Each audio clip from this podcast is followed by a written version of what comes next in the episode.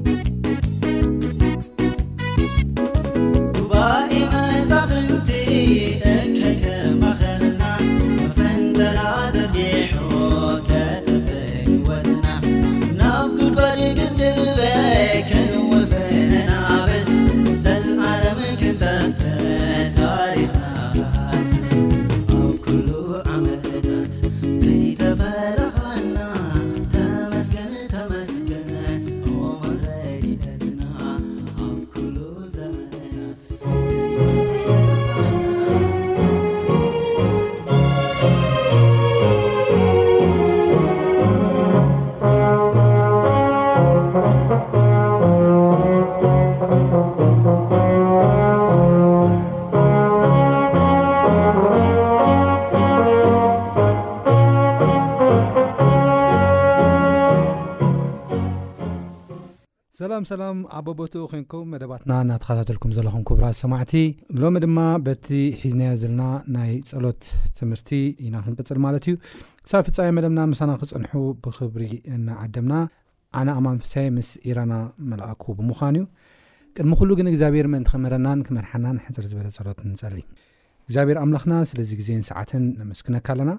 ሕጂ ድማ ቃልካ ከፊትና ኣብ ነጽንዓሉ እዋን ንስኻ ምሳና ኩን ምርሓና ኣስተውዒልና ድማ ምንባር ንኽእሉ ጸጋ ኣብዝሓልና ብጎይታና መድሓና የሱስ ክርስቶስ ስም ኣሜን። ኣብ ዝሓለፈ ናይ ቃል ግዜና ከም ዝረኣናዮ መንግስትኻ ትምፃእ ብዝብል ኣርእስቲ ናይ እግዚኣብሔር መንግስቲ ፍሉይ መንግስቲ ከም ዝኾነ ርኢና ነርና ነገር ግን ብሓጢኣት ምኽንያት ከኣ ናይ እግዚኣብሄር መንግስቲ ተቃራኒ ዝኾነት፣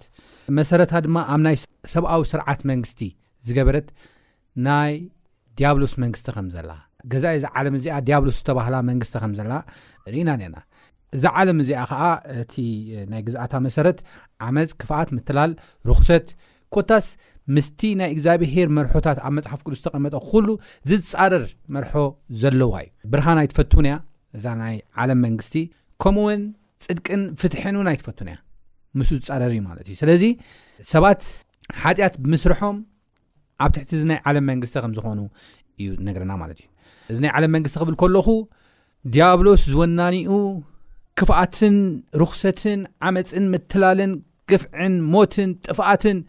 ትኩረት ዝገበረሉ ማእኸል ዝተገብረሉ ስርዓት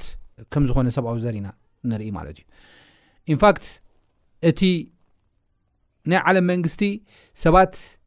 ተዋሂቦም ዝነበረ ናይ ምምሕድዳር ነዚ ዓለም ናይ ምሕላውን ናይ ምንክብኻብን ሓላፍነት ተመንጢሎም ዲያብሎስ እቲ መንግስቲ ተወሲዱ ኣብ ትሕቲኡ ከም ዝኾኑ በዚ ስርዓት እዚ ድማ በዚ ናይ ዓለም ስርዓት ካብ ፍቓድ ኣምላኽ ዝረሓቐ ስርዓት ድማ ደቂ ሰባት ኣብ ዘመናት ብምሉእ እናተሳቀዩ እናጓሃዩ እናሓዘኑን እናሞቱን እናጠፍኡን ከም ዝመፁ እዩ ዝነገረና ማለት እዩ ብጣዕሚ ዝገርሙ ክሳብ ሕጂ እውን እቲ ብኽያትን እቲ ሓዘንን እቲ ውግእን እቲ ምጥፍፋእን እቲ ግፍዕን ፍትሓዊነትን ኣይተረፈን እንድያም ተባኢሱ ኢና ንሪኦ ማለት እዩ ነገር ግን ኢግዛብሄር በዚ ናይ ዓለም ስርዓት እሞ ኸዓ ዲያብሎስ ዝወናኒ እዩ መሰረቱ ግን ሰብኣዊ ስርዓት ገይሩ ዝንቀሳቐስ ፍትሓውነት ዝጎደሎ ሓቅነት ዝጎደሎ ፅድቂ ዝጎደሎ ስርዓት ክንነብር ኣይፈቐደን። ካብኡ ንኸውጽኣና፣ ተስፋ ዘለና ሰብ ክንከውን፣ ናብታ ናይ እግዚኣብሄር መንግስቲ፣ ጽድቅን ቅንዕናን ዝመሰረታ መንግስቲ ንኽንኣቱ፣ እግዚኣብሄር ገና ሓጢኣት ምስ ሰራሕና ኣይኮነን፣ ገና ቅድሚ ምፍጣርና፣ ገና ቅድሚ ሓጢኣት ምስራሕና፣ ኣዳልዩ፣ ምድሓን ኣዳልዩ፣ መውጽኢ ኣዳልዩ፣ ተስፋ ኣዳልዩ ከም ዝፈጠረና እዩ መጽሓፍ ቅዱስ ዝዛረበና ማለት እዩ። ንዑ ኣብ ራይ ምዕራፍ 13 ፍቕዲ ሸሞንተ ኮይና ንሪኢ ኣለዋን እቲ ካብ ምስራት ዓለም ዝተሓርደ ገንሸል ኢሉ ዝተዘርበ እዚ ገንሸል እዚ ዝተሓርደ እቲ ዋና ዕላምኡ ካብ ሓጢኣት ኣድሒኑ ናብ ናይ እግዚኣብሄር መንግስቲ ናብታ ፍትሓዊ ዝኾነ መንግስቲ ንኽእትወና እዩ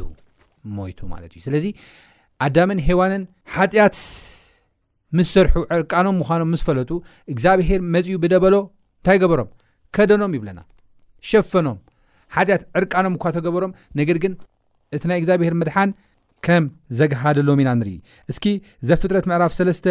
ፍቕዲ ዓሰርተ ሓሙሽተ ዘሎ ሓሳብ ንርእ። መጀመርያ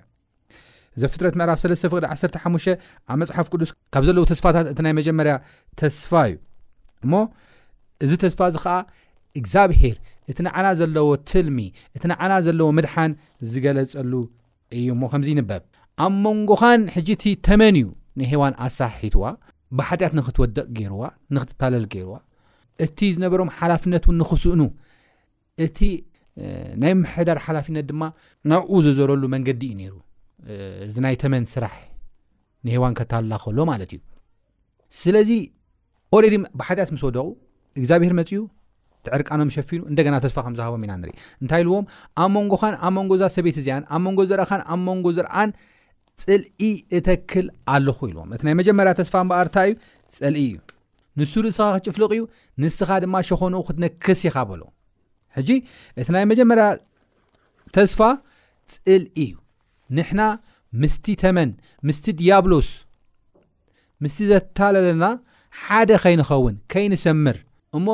እዛ ናይ ዓለም መንግስቲ ድማ ንዓና እናጥፍአት ንኸይትነብር ዘይምስምማዕ፣ ዘይምቅዳው ኣብ መንጎ ዲያብሎስን ኣብ መንጎ ደቂ ሰባትን ከም ዝገበረ ኢና ንርኢ። እዚ ጽልኢ እዚ ዝተተኽለ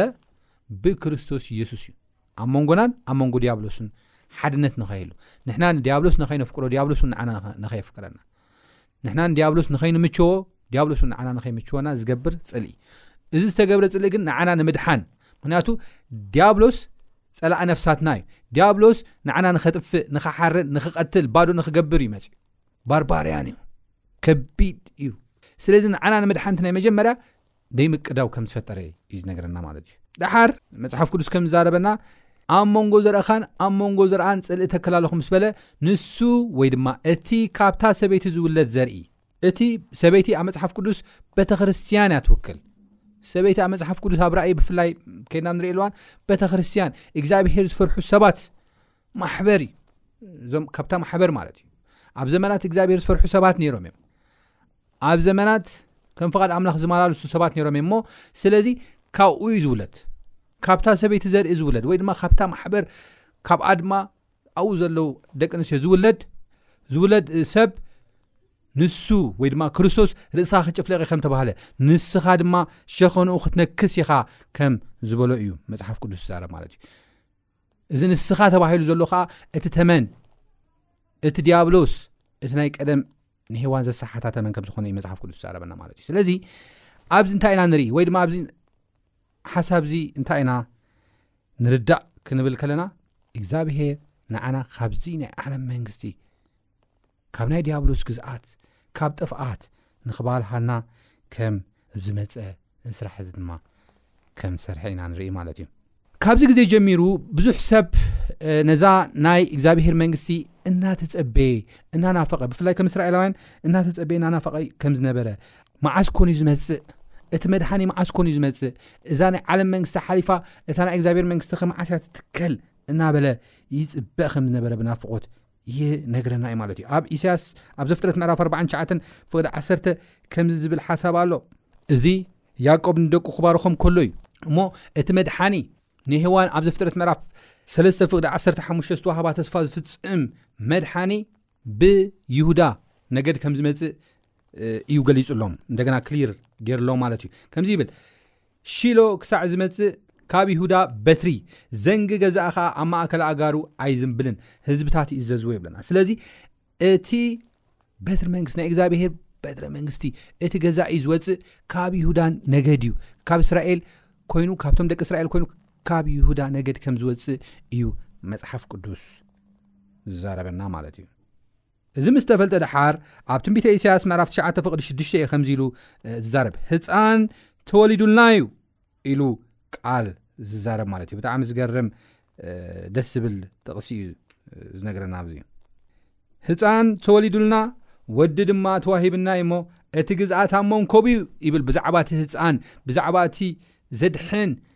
ናይ ዓለም መንግስቲ ደርሚሱ ናይ እግዚኣብሄር መንግስቲ ድማ ዝምስርት ህጻን ተወሊድልና እዩ፣ ወዱ ድማ ተዋሂብና እዩ፣ እቲ ግዝኣት ኣብ መንኮቡ እዩ፣ ስሙ ድማ ግሩም፣ መካር፣ ብርቱዕ ኣምላኽ፣ ኣቦ ዘልኣለም፣ መስፍን ሰላም ክስመ እዩ ይብለና። እወ ኣብዛ ሁከትን ዕግርግርን ዝመልኣ ናይ ዓለም መንግስቲ፣ ኣብዛ ዲያብሎስ ገዛኢ ዝዓለም ተባሂሉ ዝተፀዋዓላ መንግስቲ ኢየሱስ ክርስቶስ መስፍን ሰላም ኮይኑ ከም ዝመጽእ ኣቦ ኮይኑ ከም ዝመጽእ ብርቱዕ ገዛኢ ኮይኑ ከም ዝመጽእ መካር ኮይኑ ከም ዝመፅእ ኣዝዩ ዝገርም ጎይታ ኮይኑ ከም ዝመፅእ እዩ መፅሓፍ ቅዱስ ዝዛረበና ማለት እዩ እሞ ንብዙሓት ንብዙሕ ግዜ ይፀባበይዎ ከም ዝነብሩ ንኣሸሓት ዓመታት 4,000 ዝኾኑ ዓመታት እናተፀበዩ ከም ዝነበሩ እዩ መፅሓፍ ቅዱስ ዝነገረና ዝተስፋ እዚ እስራኤላውያን ኣንፎርነትሊ ግን እቲ እሶም ዝፅበይዎ ዝነበሩ እቲ ዝርእይዎ ዝነበሩ ነገራት ኢየሱስ ክርስቶስ ሓያል ኮይኑ ግሩም ኮይኑ ክመፅእ እዩ ካብ ባርነት ሮም ካብዚ ኣርዑድ ድማ ከድሕነና ኢሎም ዝፅበይዎ ዝነበሩ በቲ ዝተፀበይዎ መንገዲ ብምምፅኡ ብዙሓት ከምዘይተቐበልዎ መፅሓፍ ቅዱስ ይዛረበና እዩ ብፍላይ ኣብ ዮሃንስ ወንጌል ምዕራፍ ሓደ ኸድና ንሪኦ ኣለዋን ማለት እዩ ኣይተቐበልዎን እንዲያም ኣብ ኢሳያስ ምዕራፍ 53 ካብ ኢሳያስ ከይወፀናሲ ንሕና ሲ ከም ገለ እኳ ኣይቋፀርናዮን እዩ ዝብል ንሶም ዝነበሮም ኤክስፔክተሽን ክመጽእ እዩ ዝበሃል ዝነበረ ኢንፋክት እቲ ሓሳብ ዋና ሓሳብቲ ሙሉእ ሓሳብ እውን ካብ ዘይምስትውዓሎም ይመስለኒ ብካሊእ መንገዲ እዮም ፅበይዎ ነይሮም ነገር ግን ንሱ ሲምፕል ሰብ ኮይኑ ከም ዝመፀ እዩ ዝነገርና ማለት እዩ ከምዚ ኢሉ ነዚ ምስክርና መን ኣመኖ ቅልፅም እግዚኣብሄርስ ንመን ተጋህደሉ ኣብ ቅድሚኡ ከም ጨንፈር ከምቲ ንቑፅ ምድሪ ዝወፅእ ሱር ጨብጨበ መልክዕን ውቃበን ኣይነበሮን ምስ ረአናዮ ዘብህግ ትርኢት ኣይነበሮን ንዕቑን ብሰብ ድርቡይን እዩ፣ በዓል ስቓይ ብሕማም ልዱይ፣ ከምቲ ኣብ ቅድሚ ገጾም ዝጉልብብሉ ሰብ እተዋረደ እዩ፣ ንሕና ገለ እኳ። ኣይቋጸርናዮን፣ ንዙይ ኸድሕነና፣ እዙይ ናይ እግዚኣብሔር መንግሥቲ እዩ ኽምልሰልና ኢልናስ ኣይቋጸርናዮን፣ ብሓቂ ንሱ ንሕማምና ኣጸሮ፣ ንስቓይና ኸዓ ኣብ ነፍሱ ጸዓኖ፣ ንሕና ግና ከም እተወቕዐን ብእግዚኣብሔር ከም እተቐዝፈን፣ ከም እተዋርደን ጌርና ኣቋጸርናዮ። ንሱ ግና ብሰሪ ገበንና ቆሰለ፣ ብሰሪ ኣበሳና ድማ ተኸትከተ። ንሕና ሰላም ምእንቲ ክንረክብ መቕጻዕቲ ናብኡ ወረደ። ንሕና ብስምብራቱ ሓወይና። ኩላትና ከም ኣባጊዕ ተባረርና፣ ነፍሲ ወከፍ ነናብ መንገዱ ዘንበለ፣ እግዚኣብሄር ከኣ ኣበሳ ኩላትና ኣብኡ ኣውደቖ። መከራ ጸገበ፣ ርእሱ ኣዋረደ፣ ኣፉ ኣይከፈተን፣ ከምቲ ናብ ማሕረዲ ዝኽብከብ ገንሸል፣ ከምቲ ኣብ ቅድሚ መቀዘታ ስቕ እትብል በጊዕ ኣፉ ኣይከፈተን። ካብ ጥቑዓት ፍርዲ ተወስተ፣ ካብ ምድሪ ህያውያን ምስ ተቖርጸ ኸኣ ካብቶም ወልዱ መን ሓሰወ? ብምኽንያት ገበን ህዝበይ ተቐዝፈ። እከይ ዘይገበረ፣ ሓሶት ከኣ ኣብ ኣፉ ዘይተረኽበ ክነሱስ፣ መቓብሩ ምስ ረሲኣን ገበሩ፣ ብሞቱ ግና ምስ ሃብታም ኮነ ይብለና። እግዚኣብሄር ግና ብመከራ ክሕምሽሾ ፈተወ። ነፍሱ ንመስዋእቲ ሓጢኣት ምስ ወፈያ ዘርኢ ክርኢ እዩ። መዓልታቱ ክነውሕ እዩ፣ ፍቓድ እግዚኣብሄር ከኣ ኣብ ኢዱ ኺሰልጥ እዩ። ጻማ ነፍሱ ኺርኢ ኪጸግብ እውን እዩ። እቲ ጻድቕ ባርያ ብፍልጠት ንብዙሓት ኬጽድቕ፣ ኣብ ርእሶም ድማ ባዕሉ ኺጸውር እዩ። ነፍሱ ንሞት ስለ ዝወፈያ፣ ምስ በደለኛታት ከኣ ስለ እተቖጽረ፣ ስለዚ ግዲኡ ምስ ዓበይቲ ኺመቕሎ እዩ፣ ምርኮ ምስ ሓያላት ኪምቀል እዩ። ግናኸ ሓጢኣት ብዙሓት ጾረ፣ ምእንቲ በደለኛታት ድማ ለመነ ይብለና። ስለዚ ገለ እኳ ይቋጸርዎን ኣማራጹ ክንርእየና ከሎ ገለ እኳ ስለ ዘይቋጸርዎ እዩ ከኣ መጽሓፍ ቅዱስ ኣብ ዮሃንስ ወንጌል ምዕራፍ ሓደ ኬድና ክንርኢ ከለና ኣይተቐበልዎን ኣይተቐበልዎን ነቶም እተቐበልዎ ዘበሉ ግን ውልዲ ኣምላኽ ክኾኑ መሰል ሃቦም ይብለና ዮሃንስ ወንጌል ምዕራፍ ሓደ ኸና ንርኢ ኣለዋን ማለት እዩ ስለዚ ኣብ ማቴዎስ ምዕራፍ ሰለስተ ፍቕዲ ሓደ ክሳብ ክልተ ምእንቲ ክርድኡ ዮሃንስ ተላኢኹሎም ከም ዝነበረ ዮሃንስ መጥመቕ ተላኢኹሎም ከም ዝነበረ መፅሓፍ ቅዱስ ይዛርበና በቲ ወርሓት እቲ ከዓ ይብለና ማቴዎስ ወንጌል ምዕራፍ ሰለስተ ፍቕዲ ሓደ ክሳብ ክልተ በቲ ወርሓት እቲ ዮሃንስ መጥመቕ መንግስተ ሰማያት ቀሪባ እያ እታ ናይ ዓለም መንግስቲ ጠፊኣ ናይ እግዚኣብሄር መንግስቲ ትመፀላ ናይ እግዚኣብሄር መንግስቲ ድማ ትጭብጭበላ ግዜ ቀሪባ እያ እሞ ተነስሑ ኢሉ እናሰበኸ ናብ በረኻ ይሁዳ መፀ ይብለና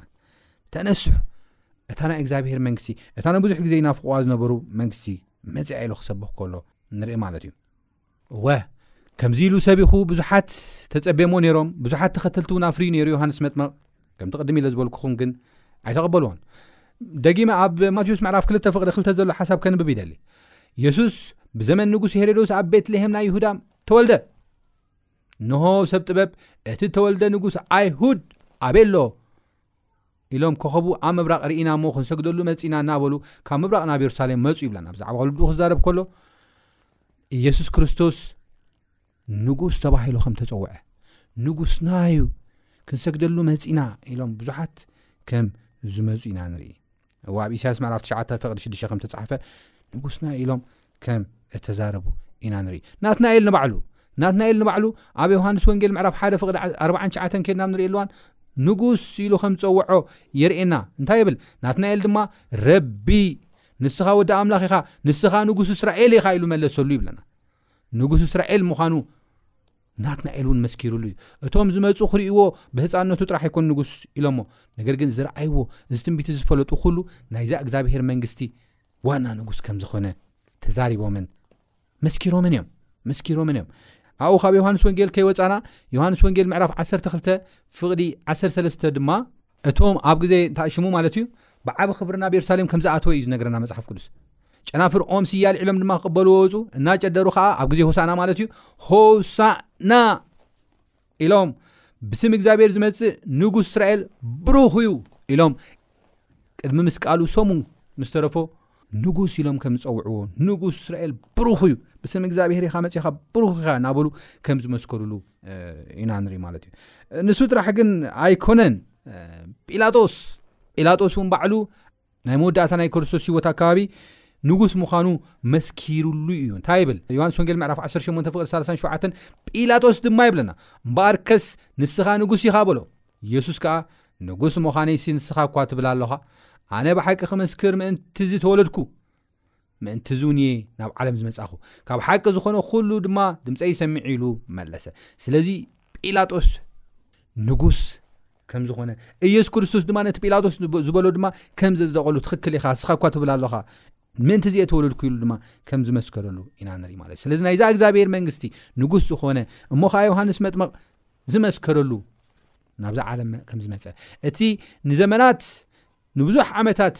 ንደቂ ሰባት ኣብ ሓጢኣትን ኣብ ስቓይን ሽግርን ሸሚምዎም ዝነበረ ናይ ዓለም መንግስቲ ገርሲሱ ናቱ መንግስቲ ዘለኣለማዊ ዝኾነ ፍትሓዊ ዝኾነ ዓባይ ዝኾነት መንግስቲ ንኸቕውም ከም ዝመፀ ንሰባት ካብ ሓጢኣቶም ካብ ጥፍኣቶም ንኸድሕን ከም ዝመፀ እዩ መፅሓፍ ቅዱስ ዝዛረበና ማለት እዩ ንዑ እዩ ዮሃንስ መጥመቁ እንክሰብኽ ከሎ መንግስቲ ሰማያት ቀሪባ ኣላ ኢሉ ዝሰብኽ ዝነበረ የሱስ ክርስቶስ እውን ከምኣ ኢሉ እዩ እቲ ስብከቱ ጀሚሩ ማለት እዩ ኣብ ማርቆስ ምዕራፍ 1 ፍቅዲ 15 እንታይ ኢሉ ጀሚሩ ድሕሪ ማእሰርቲ ዮሃንስ ከዓ የሱስ ናብ ገሊላ መፀ እሞ እቲ ዘመን ተፈፀመ መንግስቲ ኣምላኽ ከዓ ቀረበት ይብለና ስለዚ መንግስቲ ኣምላኽ ዝተመስረተት ኣብ መስቀል ክርስቶስ እያ ማለት እዩ ኣብ የሱስ ክርስቶስ ትንሳኤን ዕርገትን እያ ተመስሪታ ማለት እዩ ስለዚ ቀረበት መፀት እናበለ ከም ሰበኸ ኢና ንርኢ ተነስሑ ብወንጌል እመኑ እናበለ ከዓ ወንጌል መንግስቲ ኣምላኽ ሰበኸ እዚ ወንጌል እዚ ናይ እግዚኣብሄር መንግስቲ ወንጌል እዩ ተባሂሉ ዝፅዋዕ ናይ እግዚኣብሄር መንግስቲ ዝመሓዳደረሉ ወንጌል እዩ መፅሓፍ ቅዱስ ክዛረበና ከሎ ቅድሚ ዕርገቱ ነቶም ደቀ መዛሙርቱ ነታም ተስፋ ቆሪፆም ዝነበሩ ሰባት ገሊፅሎም እዩ እንታይ ኢሉ ገሊፅሎም ኣዝዮም ሓዚኖም ኣዝዮም ጉሆም ኣብ ዝነበርሉ ግዜ እንሆ ድሕሪ ትያቅያቱ ድማ ኣርባዓ መዓልቲ እናተረኣዮም ብዛዕባ መንግስቲ ኣምላኽ ከዓ እናነገሮም ብዙሕ መፈለጢ ህያው ምዃኑ ርእሱ ከም ዘርኣዮም ፅሒፈልካ ኣለኹ ይብል ስለዚ ድሕሪ ስቅያቱ ኣርባዓ መዓልቲ ምስኦም ፀኒሑ እዩ ምስ ጸንሐ ኸኣ ብዛዕባ መንግስቲ ኣምላኽ እናነገሮም ብዙሕ መፈለጥታ ህያው ምዃኑ እናርኣየ ከም ዝኸደ ኢና ንርኢ ማለት እዩ ስለዚ ምስላታት እናቐረበ ብዛዕባ መንግስቲ ኣምላኽ ነጊርዎም እዩ መንግስቲ ኣምላኽ ከም ትመጽእ እዛ ናይ ዓለም መንግስቲ ድማ ከም ትጠፍእ ነጊርዎም እዩ ማለት እዩ ስለዚ ኣብዚ እንሪኦ ሓሳብ እንታይ እዩ ክንብል ከልና እቲ ናይ ዓለም መንግስቲ ብናይ ሰብ ሓጢኣትን ብናይ ሰብ ዓመጽን ዝተመስረተት ናይ ዓለም መንግስቲ ገዛኢኣ ድማ ገዛኢ እዚ ዓለም እዚኣ ድማ ተባህለ ዲያብሎስ ንክትጠፍእ ናይ እግዚኣብሔር መንግስቲ ድማ እንደገና ክትምስረት ናይ እግዚኣብሔር መንግስቲ ድማ ንጉሳ ዝኾነ ኢየሱስ ክርስቶስ ኣብ ማእከል ህዝቡ ምእንቲ ክነብር ኢየሱስ ክርስቶስ ኣብ መስቀል ተሰቒሉ እዩ። ስለዚ ናብዛ ናይ እግዚኣብሄር መንግስቲ ፍልይቲ ዝኾነት መንግስቲ ክንኣቱ ብመንገዱ ድማ ክንመላለስ እግዚኣብሄር ጸግኡ የብዝሓልና። ናይዛ እግዚኣብሄር መንግስቲ ንጉስ ነገስታት ኢየሱስ እዩ። ናይ ሰላም መስፍን ኢየሱስ እዩ። ንየሱስ ክንኣምን ክንክእል ኣለና። ናይ እግዚኣብሄር መንግስቲ ከዓ መሰረቱ እቲ ወንጌል እዩ። ማንም ናብ ናይ እግዚኣብሄር መንግስቲ ክኣቱ ዝኽእል ወንጌል ኣምላኽ ክቕበል ከሎ እዩ። ወንጌል ኣምላኽ ዘይተቐበለ ንየሱስ ክርስቶስ ከም ግል መድሓኒ ገይሩ ዘይተቐበለ ናይ እግዚኣብሄር መንግስቲ ክረክብ ኣይክእልን እዩ። ኣብኡ ክኣቱ ኣይክእልን እዩ እሞ ወንጌል ተቐቢልና ብወንጌል ኣሚና ናብኡ ክንቀርብ ብየሱስ ኣሚና ድማ ክንፍቐዱ ክንመላለስ እግዚኣብሔር ፀጉ የብዝሓልና ኣብ ዝቕፅል ናይዚ መቐፀልታ ሒዞም ክቐረበ ክሳብ ዝቕፅል ሰናይ ጎይታ ይባረኩም